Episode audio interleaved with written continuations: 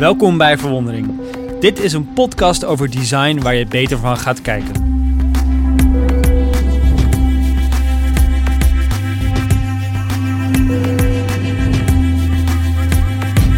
Mijn naam is Ernst Jan Fout en mijn co-host is Harold Dunning.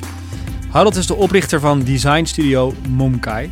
En elke aflevering vertellen Harold en ik elkaar over een ervaring die ons inspireerde. Samen verkennen we wat een ontwerp goed maakt. Want, zo geloven wij, door samen beter te kijken ga je meer zien. Nou, in elke aflevering hebben we een thema. En we maken er ook een mooie pagina bij op uh, monkai.com slash podcast. Alles wat we noemen, het is natuurlijk een vrij visuele podcast als je het over design hebt, kun je daar terugzien. Wat is het thema deze keer, Harold? Uh, winkels. Shoppen. Shoppen. ja, we dachten nou, na al die verdieping, uh, laten we het gewoon eens lekker over winkels hebben. En ik, het was wel grappig, want ik zit net naar je intro te luisteren. Mm -hmm. En, en samen verkennen we wat een ontwerp goed maakt. En dit hebben wij, de winkels, bedacht ik me nu pas, hebben wij ook wel eens echt samen verkend. We hebben een keer professioneel geshopt samen. Heel erg professioneel. als, uh, als research voor uh, Tommy Hilfiger um, hebben wij samen, nou, ik weet niet, echt een hele rits aan winkels uh, bezocht in, in New York. Ja, um, dat was in 2017, denk ik. Volgens mij is het precies twee jaar geleden. Het was februari okay. 2017. En we waren in, we waren in New York. En uh, veel dingen voor de correspondent gedaan. En ik was er toch. En toen mocht ik een middagje met jou mee. Voor het onderzoek van Tommy Hilfiger. Yes. Ik was vrijwilliger voor Momkai. Ja. Weet je nog waar je allemaal bent geweest? ja, nou, wat, me, wat het meest indruk heeft gemaakt was de Snapchat winkel. Oh ja. Dat is inderdaad, uh, nou merk je aan dat het twee jaar geleden is. maar je hebt hier een lijst voor je staan. Ja. Ik zal ze gewoon heel even snel voorlezen om een idee te geven hoe ontzettend professioneel en, en hoe we dit hebben aangepakt. dus uh, Snapchat, Sephora, Ralph Lauren, Tommy Hilfiger. Trouwens, Sephora, we zijn er samen de make-up winkel ingegaan. Mm -hmm. Uh, Apple, Microsoft, AT&T, Niketown, Adidas, NBA, Aritzia, Away, Sonos, Rafa, Reformation, Bonobos, Warby Parker, Zara, Spectrum, Fujifilm, New Balance, Dia von Furstenberg, Burger van Goodman, Oakley, Link, NYC, JFK Airport, World Trade Center, Empire State. Yes. En de Empire State is natuurlijk de Empire State uh, Building. Er vlogen weer allemaal beelden door mijn hoofd toen ik dit zag. Ja, dat is leuk, vergeten. Away, Ja. de koffers. Ja, Dus dat was dat is een heel leuk winkel. merk. Ja. Hele betaalbare koffers die ook, eh, ook je telefoon kunnen opladen en zo. En wij werken al, eh, al een hele tijd met Tommy Hilfiger samen. En ehm, Tommy Hilfiger is natuurlijk een Amerikaans merk. Tommy heeft zelf eh, ooit een winkel gehad. Hij komt uit uh, upstate New York.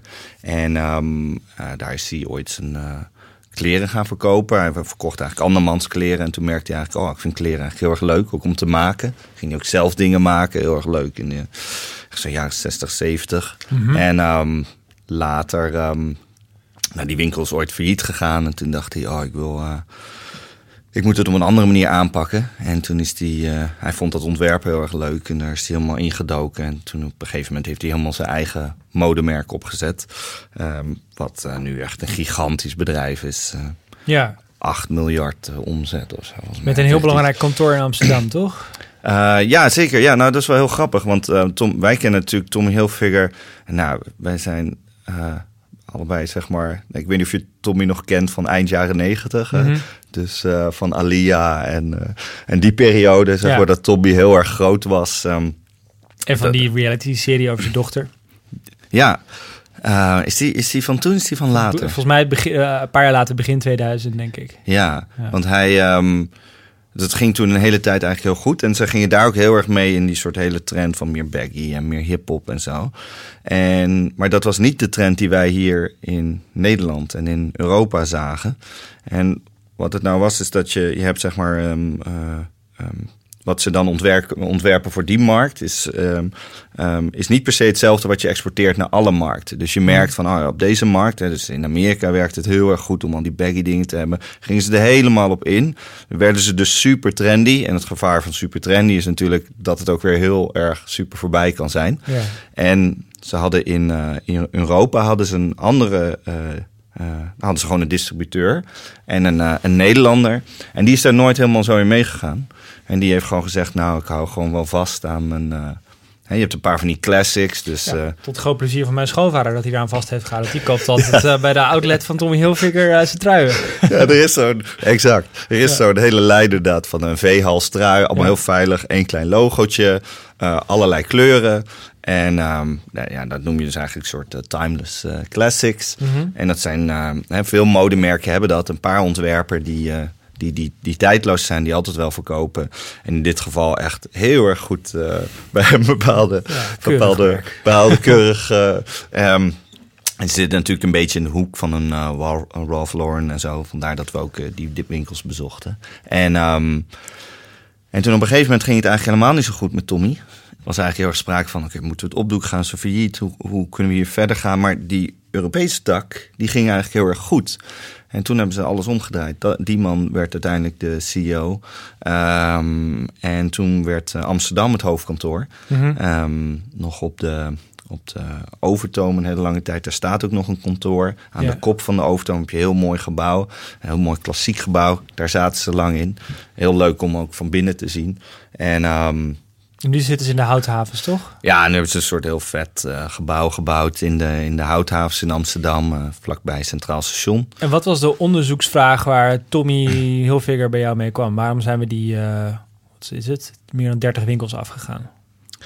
Ehm, nou, ja, de, ja, dat is echt veel. Ehm, eh, nou, waar we een beetje, wat de vraag eigenlijk was in die tijd, ehm, en die speelt nog steeds, dat, is dat zie je bij al die merken. We hebben ook met G-Star en allerlei andere merken gewerkt. En eh, dat is een zoektocht naar wat betekent een winkel in deze tijd. En Mhm. zo opperde jij volgens mij ook deze, dit thema van wat, wat is dat nu eigenlijk? Hoe ontwerp je dan een winkel en hoe ontwerp je een product? En ehm, wat is nog de functie van een winkel? En we, en we bedoelen in dit geval dus echt winkels fysiek. Ja. En hoe verhouden die, die zich dan tot, eh, tot eh, online winkels? ehm, als eh Colossus, Amazon en Alibaba die alles opslokken.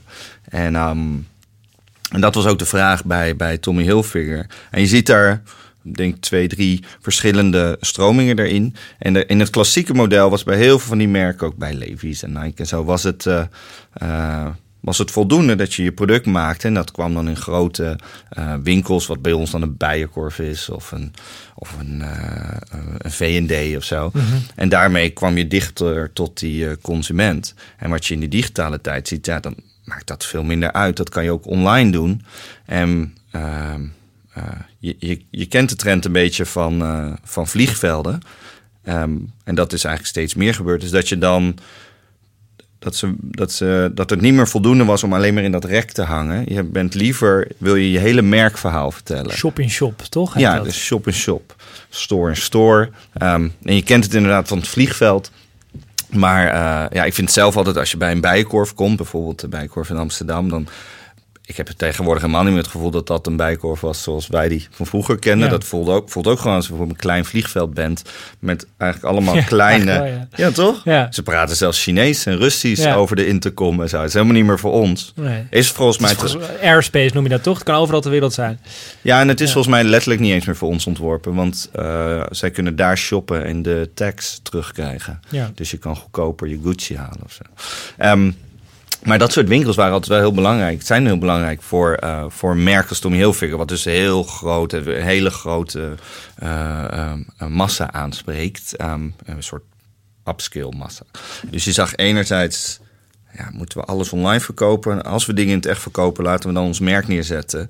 En je hebt dat in zijn meest grote vorm, dat zijn al die flagship stores. Dus je hele merk eh, is daar. Je kan je voorstellen, het is natuurlijk ook heel kostbaar om dat op veel plekken te hebben. Dus je hebt dat vaak op ja, iconische locaties in Londen. Het zijn bijna altijd verliesgevende winkels, toch? Van die flagship stores. Omdat, Nou, het is volgens mij wel heel prijzig, Ja. inderdaad. Ja, en het is, nou, het is in Amsterdam natuurlijk iets beter te doen dan, een, eh, dan New York of Londen of LA of zo. Dat is wel iets complexer. En, ehm, eh, en wat zij merkte was die store-in-store, die zijn eigenlijk wel heel winstgevend. En wat je, ehm, ja, waar wij aan werkten was om te kijken hoe kan je je, je merkverhaal in die store-in-store ehm, nog beter uitdragen. En je hebt natuurlijk een beperkte ruimte. Het is, het is veel kleiner dan een hele eigen winkel. En ehm, in zo'n winkel hebben ze wat zij noemden een million dollar table. En dat is de tafel in het midden. En die ken je misschien wel. Dat, zijn gewoon, dat is eigenlijk waar je op binnenkomt. Je stapeltjes kleren. En dat zijn al die. Dat is, dat is je, je vader of je schoonvader die, Ja. die binnenkomt en denkt: Oh ja, gemakkelijk, die, die moet ik hebben. Ik koop er een paar. Nou, die komt er niet, die gaat alleen maar naar de outlet. Maar ik Ja, je bedoelt. Ja, de, de bestsellers. Ja, de bestsellers. En, ehm, Maar de bestsellers zijn ook stapeltjes. Je kan er maar zoveel kwijt. Het is een beetje rommelig en het neemt nog steeds heel veel ruimte in. Ja. En dat is eigenlijk het project waar wij aan gingen werken. Ehm, hoe kan je nou digitaal en eh, eh, fysiek combineren in de winkelruimte? En jij en ik zijn toen ehm, eh, naar al deze winkels gaan. New York, ik ben naar winkels geweest in Londen, eh, door heel Nederland. En ehm, eh, Tommy heeft zelf een Store of the Future. Die hebben ze in Londen. En daar proberen ze heel veel dingen met, met digitaal. Eh, een eh, ander Nederlands bureau, Random Studio, werkte ook aan allerlei interacties, hoe je, hoe je dat kan combineren. En wat wij ontwikkelden. ehm, ja, ik wilde dit al heel lang doen, want ik had dit al. Ja, ik zat gewoon. eh, ik, ik miste heel erg de digitale component in een winkel. Want ik vind het niet per se erg om in een winkel te zijn. Maar ik wil wel weten wat alle kleuren zijn. Ehm, en ik wil weten welke opties ik precies allemaal heb. En Je neemt niet genoegen met het fysieke rekje. Je wil alles weten. nou, dat heb je toch ook wel eens gehad. Dan sta je in een winkel en dan vind je dat mooi. En dan denk je, ja, die wil ik wel. Oh, je hebt hem ook in donker- donkergrijs. Heb je die nu? Nee. Eh, of ik heb hem ook nog in het paars. En dan denk je, ik, maar ik wil paars zien. Ja. En ehm, wat wij eh, toen aan zijn gaan ontwerpen... eh, voor, voor Tommy Hilfiger, voor, voor Global... was een, een tafel en wij noemden die uiteindelijk de Tommy Touch. Zo hebben we hem gelanceerd. En ehm, Catchy naam. ja, toch? Ja. Dat was eigenlijk, want het was eigenlijk een op veel, veel lager naam. Het was, ehm, het was natuurlijk van, van, van, van Tommy, maar ehm, wat mis je digitaal? Ik kan de stof niet voelen en ik kan niet zien of het mooi past. Dus eh, ik vind zelf eh, altijd best wel moeilijk om digitaal iets te kopen. Nou, ik ben bij mijn vriendin gezien dat je dat ook op een heel andere manier kan doen. Want je koopt gewoon heel veel en je stuurt de helft weer terug. Dan Ja. kan je zien zeg maar, hoe iets past of zo. Maar ja, ik weet niet, als man doe je dat toch minder. Ik doe dat niet snel. Doe jij dat wel eens? Ja, ik vind, ik vind dat toch een beetje een intimiderend idee dat ik het er helemaal terug moet brengen. En, eh, Ja, ik vind een dat- beetje lui ben ik daar denk, denk ik ook voor. Ja, dat, dat, eh, ja, en ik wil ook gewoon. eh, ik denk misschien, dat is misschien ook een mannelijke instinct. Is. Oké, ik ga nu shoppen. Het moet nu Moet opgelost één zijn. ja. het is nu klaar. En eh, als we dit goed ontworpen, oké, dan koop ik drie. Ja. Dan eh, ben ik klaar. En ehm, om daaraan te appelleren, ehm, eh, dachten we van, oké, dat, dat, dat mis ik online. En in het echt mis ik dus heel erg ehm, eh, nou, dat ik precies al die opties kan zien. En toen hebben we een tafel ontworpen en ik zal ook wel in de, in de gallery plaatjes delen en eh, animaties. ehm, waarbij je een heel uitgerekt horizontaal scherm bovenop had. En ehm, daaronder had je schrappen die precies dezelfde maat volgen. Dus eigenlijk is het alsof je bovenste schap is een, eh, is een scherm. En je Mhm. onderste twee schappen zijn eh, shirts. En toen deden we van eh, eh, elk shirt één maat. Dus gewoon, je hebt S, M, L, XL. Eh, en dan in de kleuren waar het van is. Ehm, eh, waardoor gewoon de, de key kleuren. Niet alle kleuren, maar gewoon Tommy kleuren. Dus de Tommy kleuren zijn donkerblauw, eh, rood en wit. Een palet waar ik wel bekend ben. ja, Amerika. en, ja, heel erg Amerika. En, ehm, en wat er dan gebeurde was als je op een afstand stond, dan zie je op zo'n scherm zie je een animatie. Dus je ziet gewoon, zoals je dat wel kent in eh, stores. Hè? Ja. Je ziet tegenwoordig wel meer van die soort levende posters. Waardoor het veel meer leeft en waardoor je oog wordt aangetrokken. Maar ik vond die vaak een beetje plat. Want als ik dichterbij kom, snapt hij niet dat ik dichterbij kom. Het blijft gewoon een, intro, het blijft gewoon een bewegende poster. Wat wij deden was dat hij een soort locatiesensor heeft. Dus hoe dichter ik bij kom, verandert het scherm. En dan zegt hij, hey, wist je dat je hier alle opties kan kiezen? En dan had je twee manieren om te starten. Dus de ene manier is... ehm, eh, ik pak een shirt eruit en dan heeft hij een, eh, een bewegingssensor. Dus hij pakt het shirt eruit en hij begrijpt, jij hebt M in het rood eruit gepakt. Hmm. En dan laat hij die op het scherm zien. Dus hij heeft eigenlijk door jouw interactie met, de, met het fysieke object vertelt hij, er is nog veel meer. Je kan dit allemaal uitzoeken. En, en hij laat zien, ik snap wat jij hebt gepakt. Dit kan allemaal zonder dat er een verkoper bij is. En ehm, jij kan dan stof passen. En je, vaak moet je gewoon weten, is het nou M of L? Of wat moet... Wat, Dus eigenlijk als ik het goed begrijp, dan, dan is jouw, jouw ontwerpanalyse was... Je, moet, je hebt die fysieke winkel nodig om de ervaring te creëren... om te kunnen neerzetten wie je bent als merk. Maar met de designoplossing die je had bedacht... Creëer dat, combineer dat volgens wel met het voordeel van online kunnen winkelen, namelijk dat je die dat je alles wat er is beschikbaar is. En, Ja. en door die twee dingen bij elkaar te brengen, heb je wel het tactiele van die winkel en tegelijkertijd het, het de uh, ein- oneindige beschikbaarheid van online.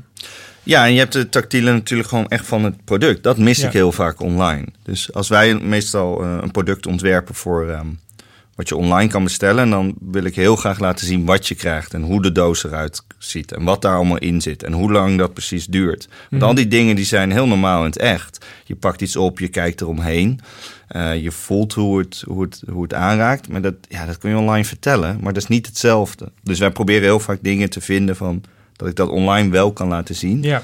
En, ehm, eh, en je kan dus ineens, wat, wat zij dus ook hadden, de, je moet eigenlijk heel veel van dit soort eh, concepten, die gaan ook heel erg over, gaan maar deels over ons als consument. Die gaan natuurlijk ook de- heel erg over de winkel. Dus Mhm. neem aan een, een bijenkorf of zo.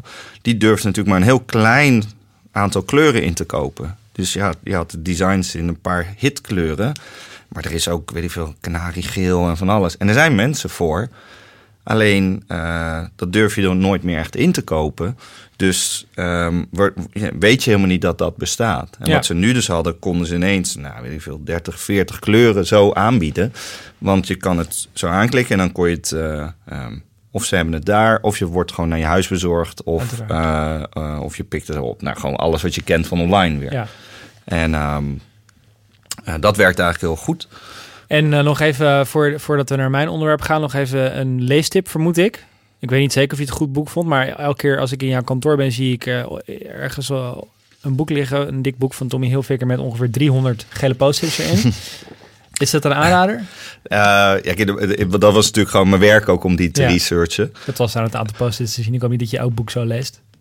Eh, nee, nee, nee, nee, nee. nee. Ehm, nou, ik heb wel altijd, ik zit altijd driftig de notities te maken. Maar ehm, ehm, ja, dat, dat boek heet American Dreamer. Mhm.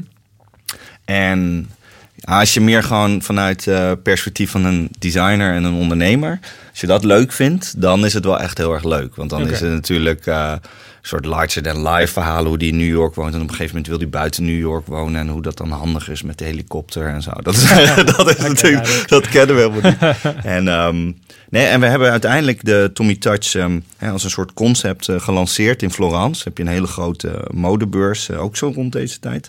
Een jaar later, denk ik. En, ehm, eh, en daar was hij zelf ook.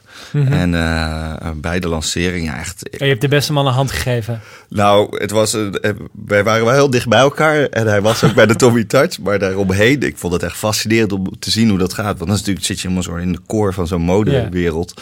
En dan zo'n hele entourage eromheen. En allemaal Italianen in de, heel driftig eromheen. Ehm, eh, ik heb het ook gepresenteerd aan de CEO van, van Tommy Hilfiger. En ehm, eh, daar kon ik wel echt helemaal mee in gesprek. En Tommy, dat ging echt heel erg snel. Ik vond het wel heel cool. Dat Aangeraakt? ik, ben niet, ik ben niet het type om dat te doen. Maar eh, hey, de- dat zou wel goed zijn bij Tommy Touch. Ja, precies. Ja. Nou, ik, ik ehm, reken winkel. Ik zat eigenlijk na te denken. Jij zit hier als de expert, als de ontwerper. Ik zit hier een beetje als, als de gewone man. Dus ik zat, ik zat na te denken van eh, hoe, wat, wat betekenen winkels nog voor mij? En ehm, fysieke winkels heb ik het dan over. Mhm. En ik dacht, ik reken fysieke winkels eigenlijk nog maar op één ding af. Eh, een heel eenvoudig ding als je het erover hebt, maar hoe moet ik het uitvoeren? En dat is menselijk contact. Mhm. Dat is eigenlijk de enige waarom, ik nog, waarom, waarom het voor mij logisch is om naar, naar winkels te gaan. En, ehm, en bedoel, dat is natuurlijk voor iedereen anders. Maar voor mij is het als, het, als het menselijk contact in de winkel niet goed is, ga ik er ook gewoon door me heen. Dan heeft die Mhm. winkel voor mij, wat mij betreft, geen bestaansrecht meer. Want waar- waarom zou je dan nog zo'n heel pand huren als, het, als de hele ervaring met die persoon die er werkt niet goed is? Mhm. Ehm, en eigenlijk, dus ik merk altijd, eh, ik, ik, ik woon in eh, Oud-West en er zijn, nog, er zijn best wel veel nieuwe winkels en ook maar ook nog een paar oude winkels uit de oude tijd, voordat eh, mensen zoals ik uh, te kwamen wonen, die, die dapper stand houden. Zoals op de hoek van waar- het blok waar ik woon zit een grote naaimachinewinkel. Eh, Echt Oud-West. En het is niet Old West. Of, zo. je woont gewoon weer in Nederland. Ja, ik woon weer in ik, Nederland. ik weet helemaal niet of Ja, mensen dat weten. ja. maar- Uh, ja, dienstmededeling, ik woon weer in Nederland. Ehm, en ehm, die winkel op de hoek, die naaimachinewinkel waarvan ik altijd denk, wanneer wordt het een Starbucks? En Mm. eh, ik, ik kom daar wel eens binnen om een praatje te maken. En die, en die vrouw vertelt ook dat ze elke dag komt er iemand langs. Een projectontwikkelaar. Uh, Ja? om, te checken, om te vragen of ze er al klaar voor is om het te verkopen. Echt waar? Of voor uit te gaan. En, ehm, maar goed, ik moest daar ook een keer, of mijn vrouw moest daar ook een keer wat hebben. Knoopjes of zo. En eh, wij liepen daar niet vermoedend naar binnen. En, en mijn vrouw zei, ik heb knoopjes nodig. En daar vervolgens zijn we een kwartier door alle knoopjes heen geleid. Bij de hand genomen. De levensverhalen tussendoor. En gewoon een superleuke ervaring. Ja. Ehm, en eigenlijk, eh, dat soort, net zoals de wijnwinkel bij mij op de hoek. Ik kan natuurlijk gewoon drie dozen online bestellen. Mhm. Maar ik ga altijd naar hem toe, omdat ik weet, eh, dat het, het wijnhuis op de Bilderdijk, dat, eh, dat ik daar altijd mag proeven. Mhm. Dat hij dan weer verhalen heeft hoe hij weer, hij werkt daar met zijn met zijn vader, hoe ze weer op pad zijn geweest naar een nieuwe boerderij en daar dan weer hele verhalen over vertelt. En eigenlijk, zolang, zolang winkels dat blijven doen, ehm, zijn, blijven ze voor mij relevant. Mhm. Het is denk ik ook, eh, ik, die hele trend van winkel, bijvoorbeeld de Albert Heijn bij mij op de hoek, waar nu die laatst verbouwd is, waar er waren denk ik tien kassa's. Nu zijn het Mhm. acht zelfscan- zelfscankassa's en twee Mhm. hele kleine eh, kassen waar nog cashiers achter zitten. Dat vind ik zo ontzettend zonde, omdat wat volgens mij de functie van winkels nu nog kan zijn, is dat het nog voor enige sociale cohesie Mhm. zorgt buiten. Nou, we gaan dan niet meer naar de kerk, we zien elkaar niet meer op de verenigingen, dus misschien nog wel in, in winkels. Ik merkte toen ik in, in Brooklyn woonde, in Williamsburg, dat het natuurlijk een hele ja, een wijk is met een enorme doorloop en eh, heel veel toeristen, dat ik wel nog daar een soort gevoel van gemeenschap had omdat ik, eh, omdat ik de winkeliers kende en die voor de gedagszaal Ja, voorbij liep.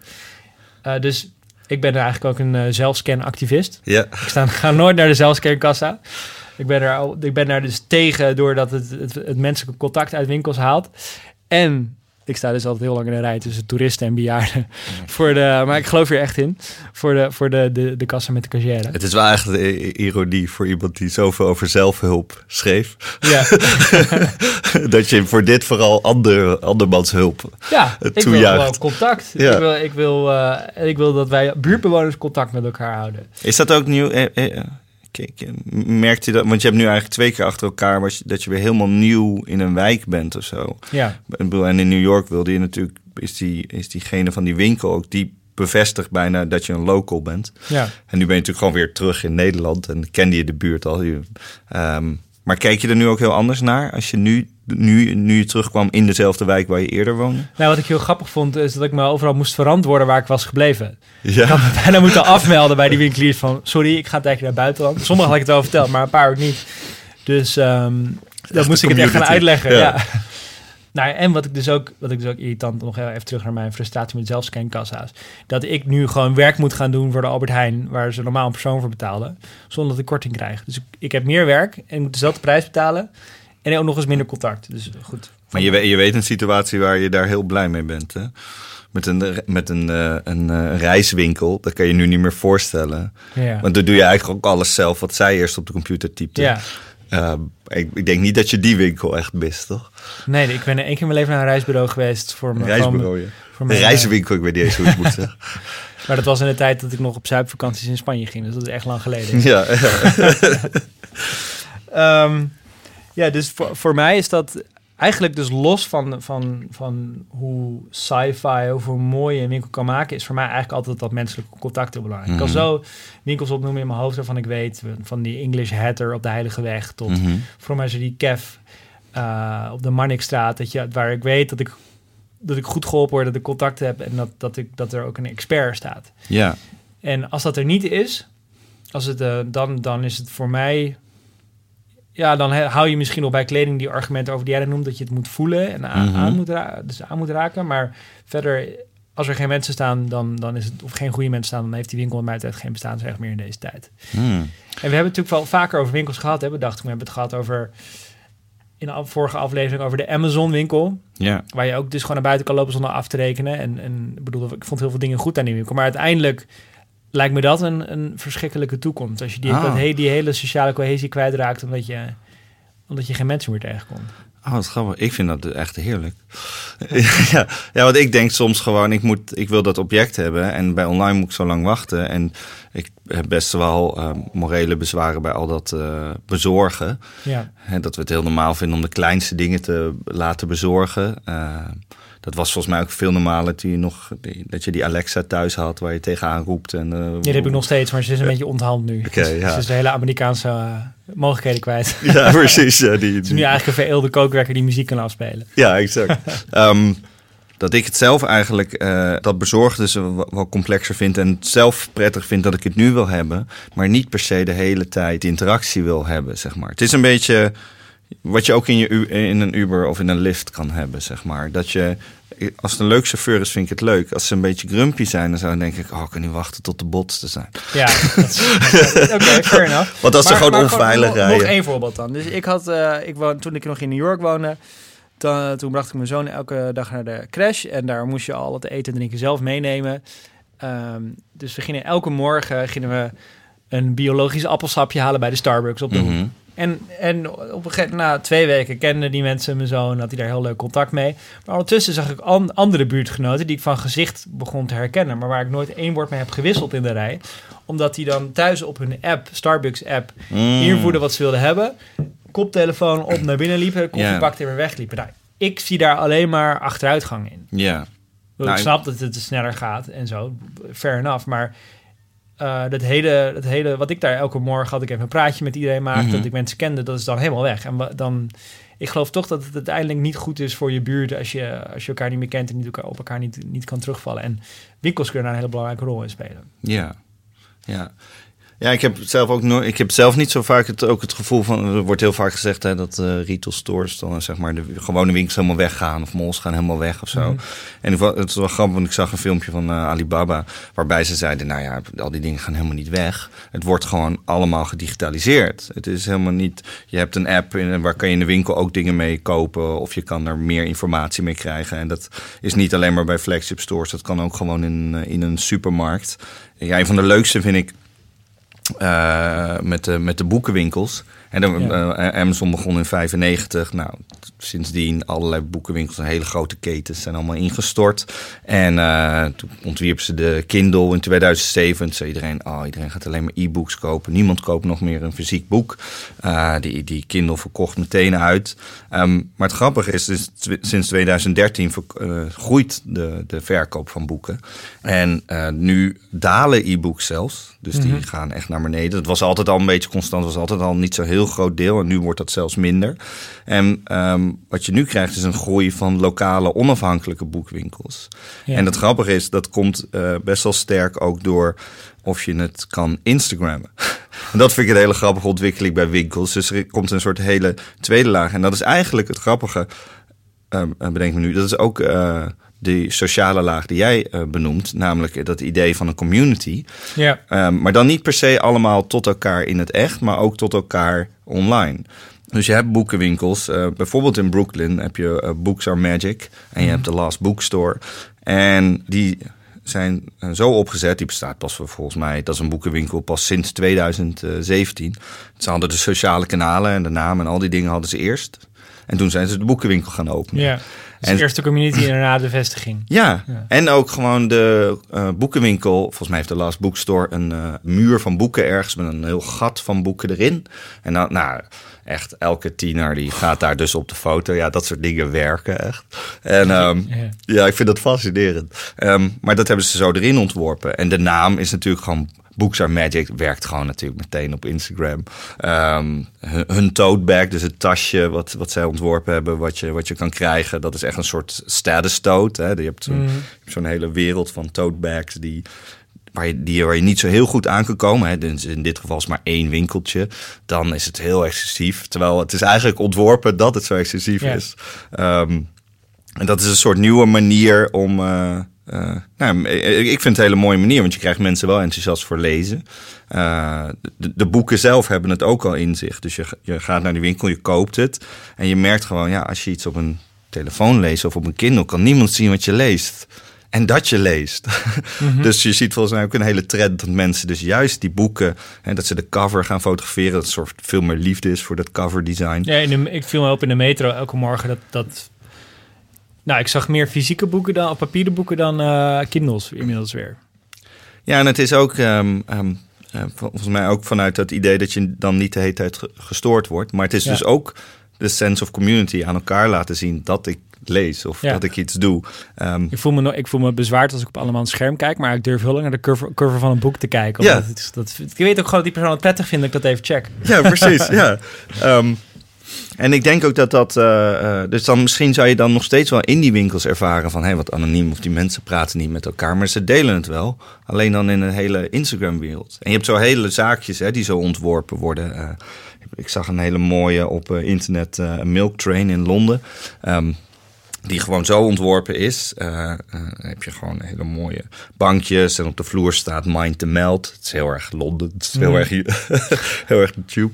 Ehm, maar dat ze het zo ontwerpen dat ze weten van... oké, dit gaat gewoon... als je hier een foto van maakt, ziet alles er goed uit.